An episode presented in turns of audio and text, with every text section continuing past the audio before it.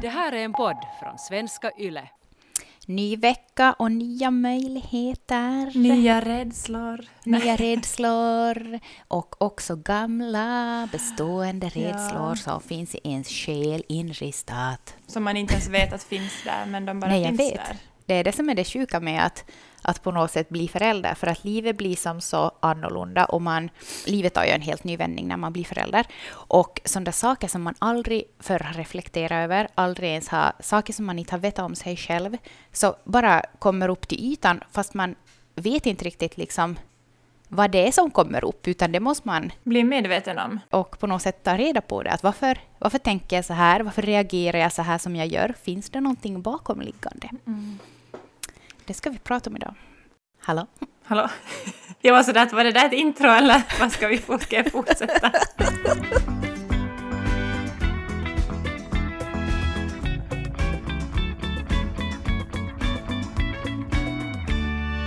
Det som jag tänker att för mig har varit viktigt när man börjar reflektera kring liksom, rädslor och kanske mönster från ens egen barndom. Vi säger en sån rädsla till exempel. Jag har ju en jättestark rädsla av att bli lämnad, att bli ensam, att inte duga. Eh, och det betyder inte att mina föräldrar har sagt åt mig att du duger inte, Nej. eller de ska lämna mig ensam. Men ett barn tar upp saker på sitt sätt. Liksom, min rädsla att bli ensam bottnar sig, vad jag har kommit fram till, är mycket i mina föräldrars skilsmässa. Men de lämnar ju mig aldrig ensam. Mamma var supertydlig med, och pappa också, liksom, att jag hade ju dem, de älskade mig, de var vänner och dibadaba. Men jag som barn har på något sätt lämnat med känslan och rädslan att bli ensam. Och jag tycker att det är bra att när man går in i att börja reflektera kring det här, att man som vet att att det handlar inte liksom om att hitta fel. Nej.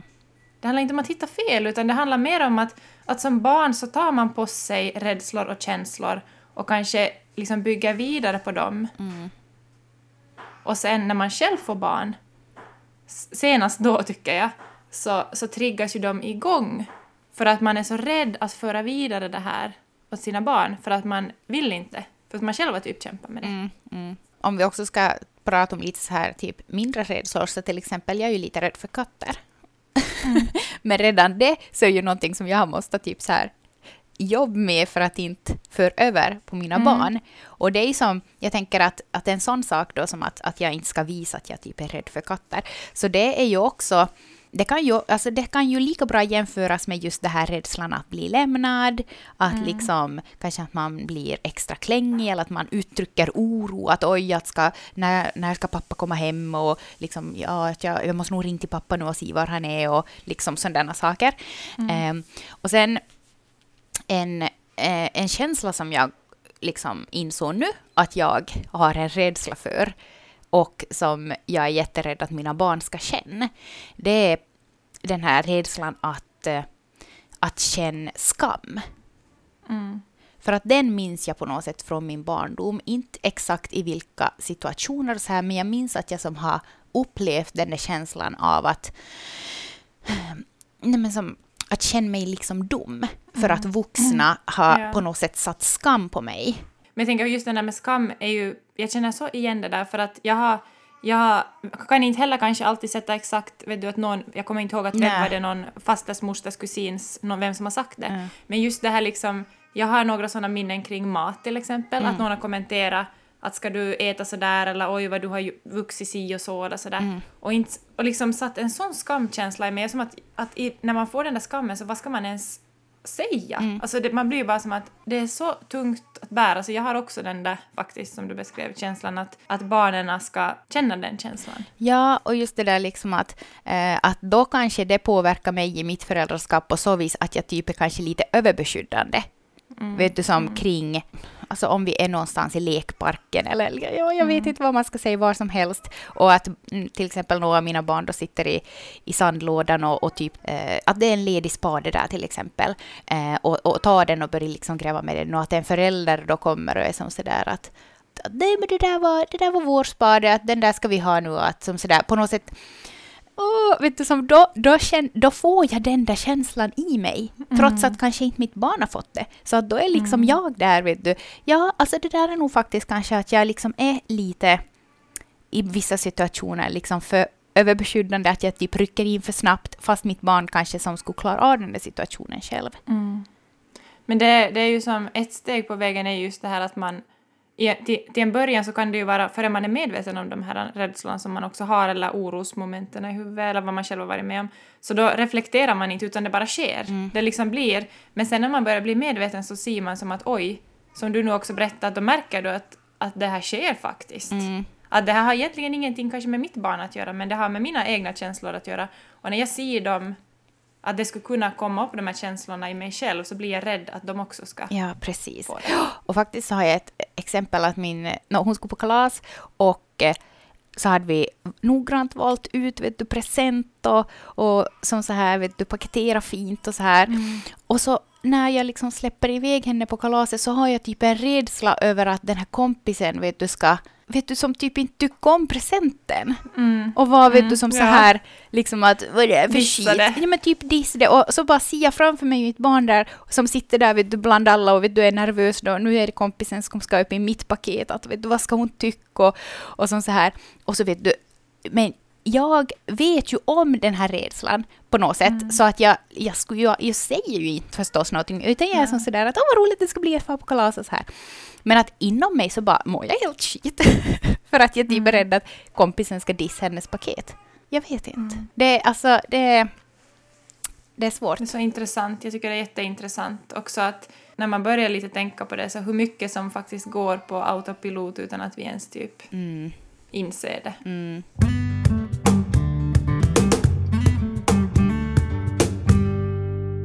Vi frågar av er på vår Instagram eh, hur era egna rädslor påverkar ert föräldraskap.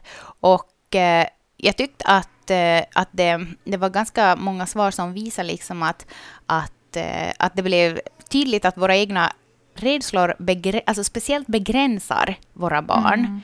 Mm. Eh, liksom i deras sätt att liksom vilja växa och pröva på nya saker och hjälp till och, och ja, men ta liksom nya utvecklande Mm. steg.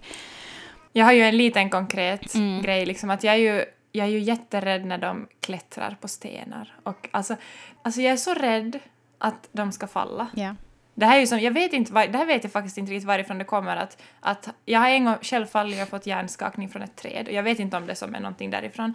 Men när de liksom klättrar på träd och mossa glider, de klättrar och ja. Ja. Och jag måste verkligen inse, i början var jag så att nej, nej men akta, akta. Jo, försiktigt, sen, försiktigt. Ja, men sen pratade jag också med mamma och har lyssnat på och funderat kring det här och var som sådär att, att nej, Mm. att jag får inte göra det. Nej. Att det är min rädsla. Mm. Att såklart så ska jag ju se till att de inte gör någonting som är farligt. Men jag, jag vill verkligen inte föra vidare, jag vill att de ska våga. Mm. Jag vill att de ska som våga testa, våga pröva på och så får man falla ibland och hit och dit. Men det där, det där är en sån här liten sak men som jag typ varje dag, Ja. nu när de tar mer ansvar själv också, så måste ju brottas med. Mm. Men det där är ju också som en så mycket större sak, det där med att man som förälder hela tiden ska springa ett steg bakom och vara som så här försiktig, gör inte det där, försiktigt, klättra inte där, tu, tu, tu. För att istället för att liksom att jag tror på dig, du klarar det här, istället för att man ska som, hålla på och liksom ha ett band i dem och dra dem liksom att nej men du fixar inte det där, du klarar inte det där, komma ner därifrån.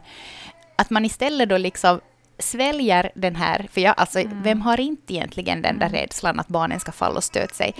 Men just det där att man istället visar att man tror på dem och att man kanske då istället är där och tar emot dem om de faller. Mm.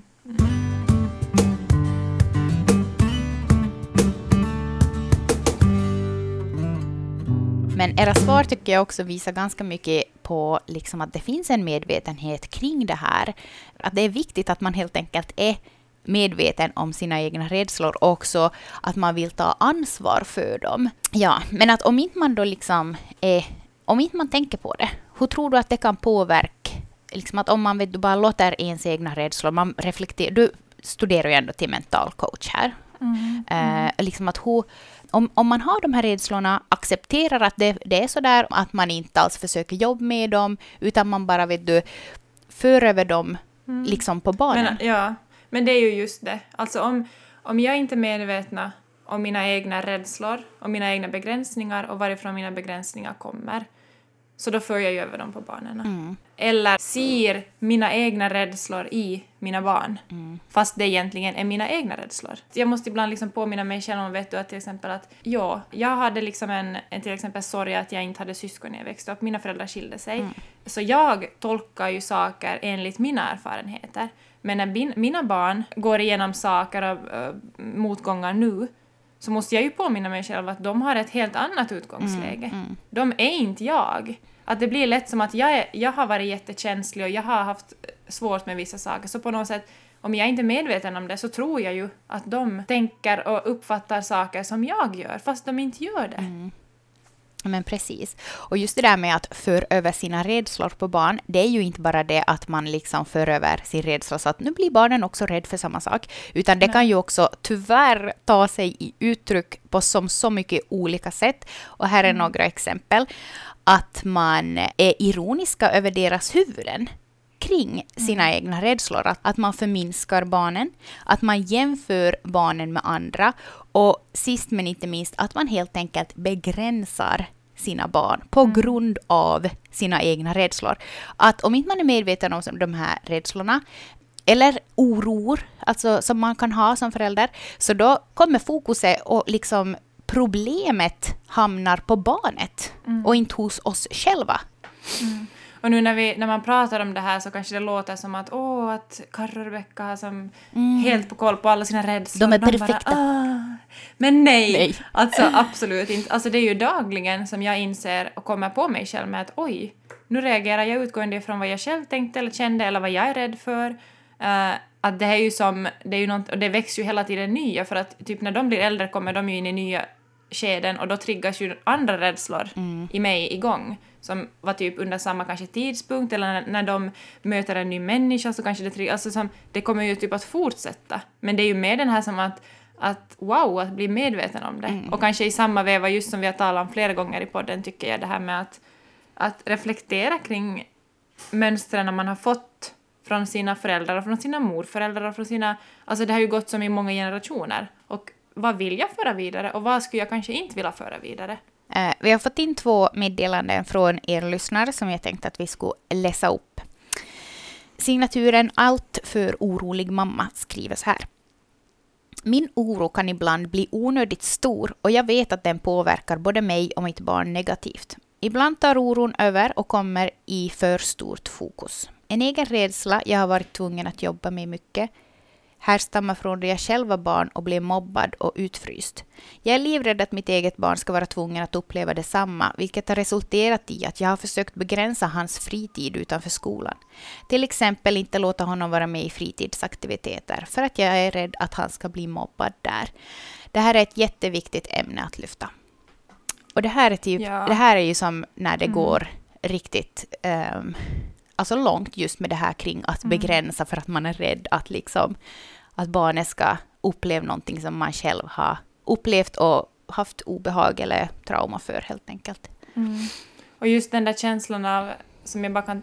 Alltså den, när den där känslan i oron också när det känns som att, att, att man är liksom, vad ska man säga, att, att, vas, att jag har inte kontroll över det här. Mm, ja men Och precis. man kan inte ha kontroll Nej. över det.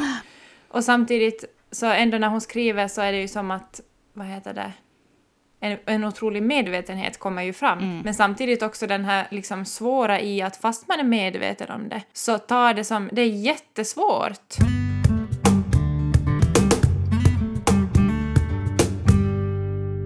Alltså det här, alltså jag, vet, inte, jag, jag vill bara liksom ha, jag vill bara liksom prata för barnen. För jag tycker som, barnen är ju som så små. De är ju bara liksom nya individer, de har gått på jorden i några små år. Och själv är man liksom vuxen, man har gått 30, 20, 30, 40 år på, här på planeten.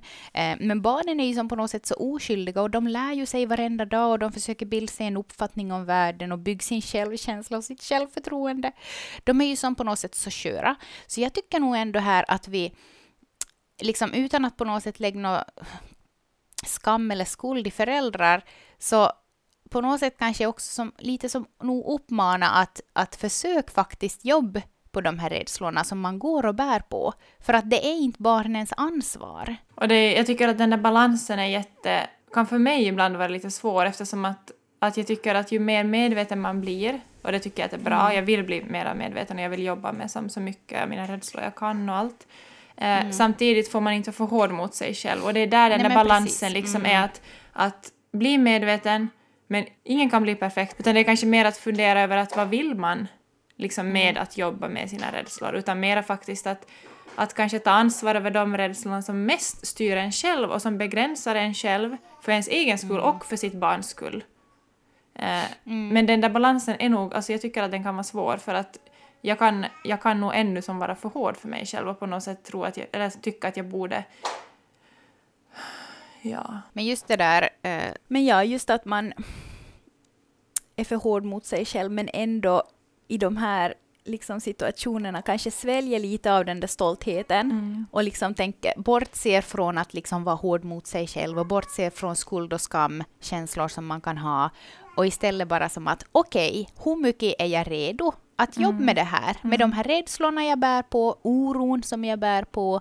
Liksom att hur, hur mycket tid och energi orkar vi lägga på att aktivt faktiskt göra annorlunda och välja en annan väg? Och där så kanske det nog mycket liksom grundar sig i hur mycket vi vågar öppna upp och vara sårbara, till exempel till vår partner, till våra vänner, kanske till en terapeut, för att helt enkelt liksom komma vidare.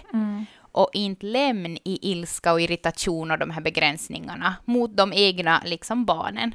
Och sen är det ju det att det är hårt jobb. Med vissa saker så är det ju som, alltså det kräver, det kräver mod av en själv också. Just som du sa att man måste som, det kräver ju att man vågar liksom faktiskt titta ärligt och öppet mot det man själv har varit med om och våga reflektera kring det. Att fast det känns som att nu gör det här ont, jag skulle nästan inte vilja öppna den här luckan här. Både för sin egen skull, men speciellt för sina barns skull. Men eh, ja, men just det där med att ständigt gå runt och till exempel oroa sig. Så att som göra det högt, så det kan faktiskt, jag menar jättetungt för ett barn. Till exempel att hela tiden hör föräldrarnas prat eh, om or, oro och sådär. Och, och det kan ju också göra så att det påverkar barnens tillit liksom mot sig själva. Och det här jag ju kämpat med ganska mycket. Jag får ju som illa att vara att prata om det, för jag har ju varit jätteorolig och oro och ångestfylld under en period av mitt föräldraskap när jag mådde dåligt. Mycket kanske det också att, att jag som barn har känt, fast någon inte har sagt öppet liksom oro och förklara ångest och så här, så har jag känt av jättemycket som barn och tagit på mig av människor och sånt som jag kanske inte borde ha tagit på mig. Eh, och det är kanske den rädslan jag själv har också, att, att mina barn har känt av när jag har haft ångest och varit orolig, fast jag har försökt att inte kanske alltid visa det, men jag vet att barn känner. Och då också skulden kring att jag också har varit orolig och visat oro åt dem, så gör ju att jag har ju haft enorma liksom rädslor kring att jag typ har förstört mina barn och hit och dit. Det kommer som sån här jättestor rädsla att jag är världens sämsta mamma och bla bla bla. Men då, då har jag liksom på något sätt lärt mig att okej, nu känner jag så här en liten stund, så här känns det. Och sen måste jag lära mig att släppa det för att inte vara kvar i det och tänka som att ja, nu blev det här jätte... Blah. Nej, men jag, ja, och du har ju faktiskt nuddat vid det här förr också i podden, just den där perioden då du liksom mådde dåligt över just det. Och jag tycker att det är jätteviktigt att prata om. Och just på något sätt att, att kanske som har varit viktigt för mig, som att, att när det känns någonting då så då låt det kännas en stund. Och ty, om man behöver tycka synd om sig själv eller vara rädd eller känna oro och ångest, liksom sådant kring, så istället för att försöka bara trycka bort det, att liksom hitta sätt att verkligen våga känna det då, för att sen kunna acceptera att okej, men nu vill jag inte sätta mer tid på det här, att nu, nu måste jag som hitta en annan utväg för det här. Och inte heller sitta kanske och, och ha oro för saker som har varit, utan försöka som att jag gjorde exakt.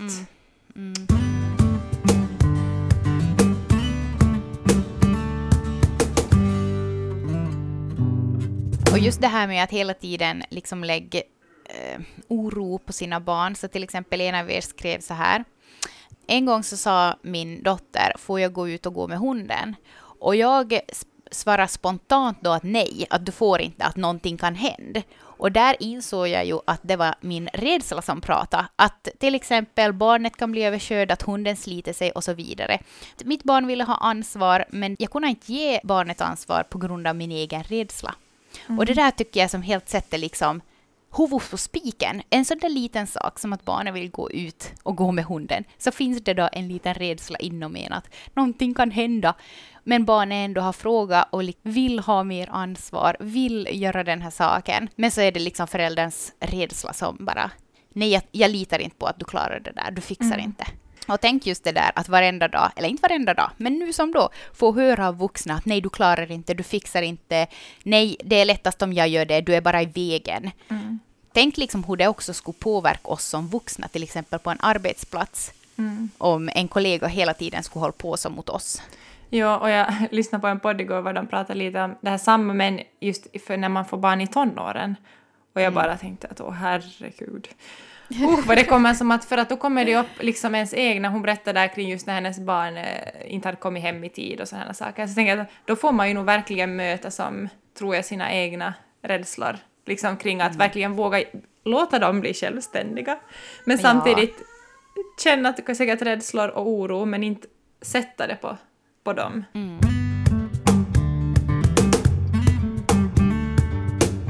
Jag googlade här och eh, hittade två expertråd om man bär på mycket oro. Mm. Och jag tänkte att vi ska lyfta dem bara för att få liksom lite pepp och tips här.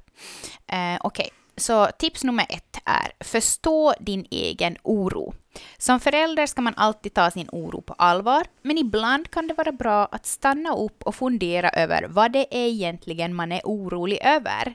Skapa först en förståelse över vad oron faktiskt handlar om innan du pratar med barnet om det eller begränsar ditt barn på grund av det. Mm. Och där tror jag också, eller jag tycker det för mig hjälper om jag har oro kring någonting, att jag kan säga det högt åt någon vän eller åt Jim. Och mm. han är ju som mera logisk än jag, känns det som ibland. Att jag, ja. jag har ju känslorna med mycket mera. Så då är det bra ja. som att någon bara kan se det från ett utifrån perspektiv. Mm, dra ner en lite. Ja. Mm. Eh, och tips nummer två, ge barnet tid. Många tenderar att vilja få bort barnets negativa känslor snabbt som ögat när de upplever rädsla eller oro.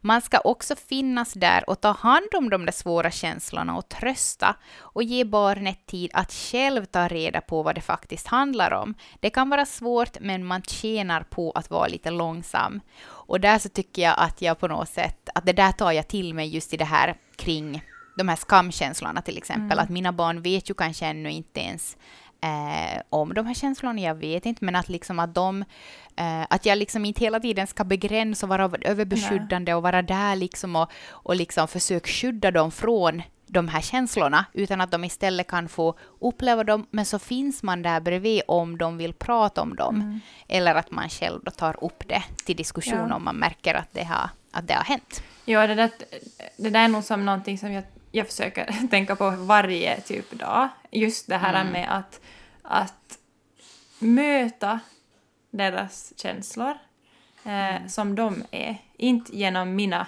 egna rädslor mm.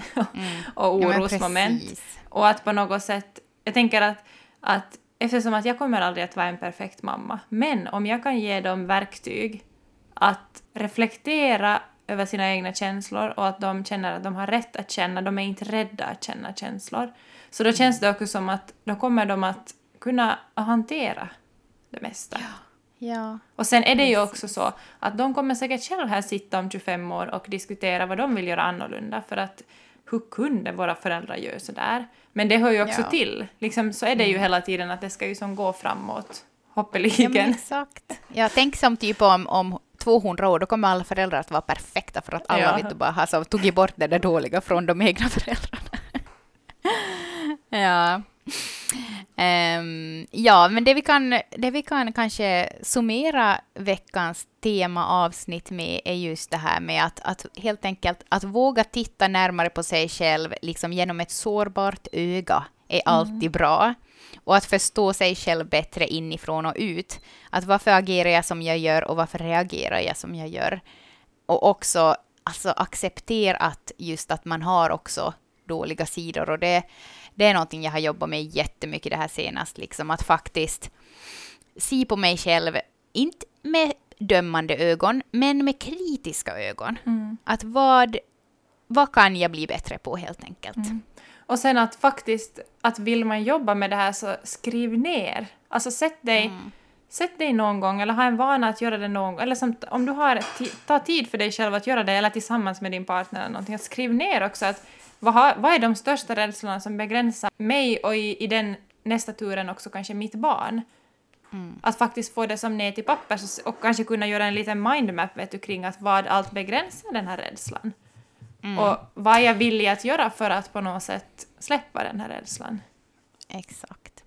Som sån här avslutande tips så kan jag tipsa om eh, en loggbok för föräldrar som jag faktiskt printade ut här för någon dag sedan som finns på Mieli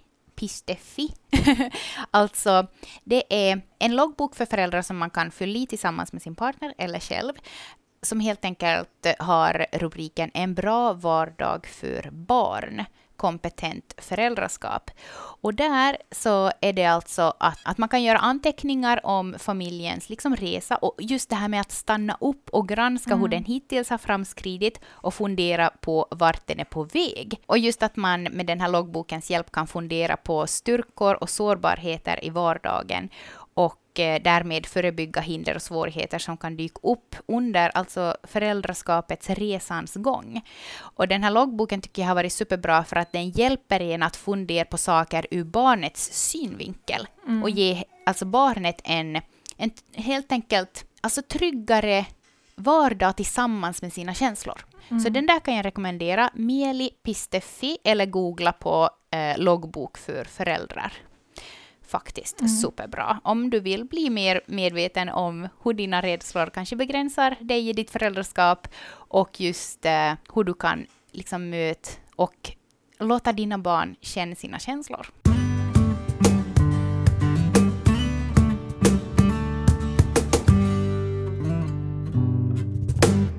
När man själv har mycket rädslor och har jobbat med det så känns det som att det är sårbart men det är väl därför det är viktigt också. Alltså jag känner att det på något sätt håller på att bli en mer medvetenhet kring det här med att, att jobba med sig själv. Det är tillåtet att titta inåt och faktiskt också se på sig själv med kritiska ögon och inte vara perfekt. Och försök, alltså och försök göra det. det här utan att sätta krav. Alltså, Ja. det här är ingen prestation. Alltså, Det är egentligen bara för barnens skull. Och för din egen. Ja, no, förstås, förstås. Men på det långa loppet, liksom för er båda, att ni får en tryggare relation och mer förståelse för varandra. Att alla barn är unika och liksom sina egna. De måste hitta sina egna rädslor och, och övervinna sina egna rädslor och, och hinder i, i sådär. Att de behöver inte också föräldrarnas. Nej, och man får också mer förståelse för sina egna föräldrar när man jobbar med Absolut. var man har fått sina egna rädslor. Tack för det här, Rebecka. Ska jag få skriva lite i loggboken? Ja. Reflektera över mina egna rädslor. Hörni, vi hörs igen nästa vecka. Ha det så bra. Ha det så bra. Hej då.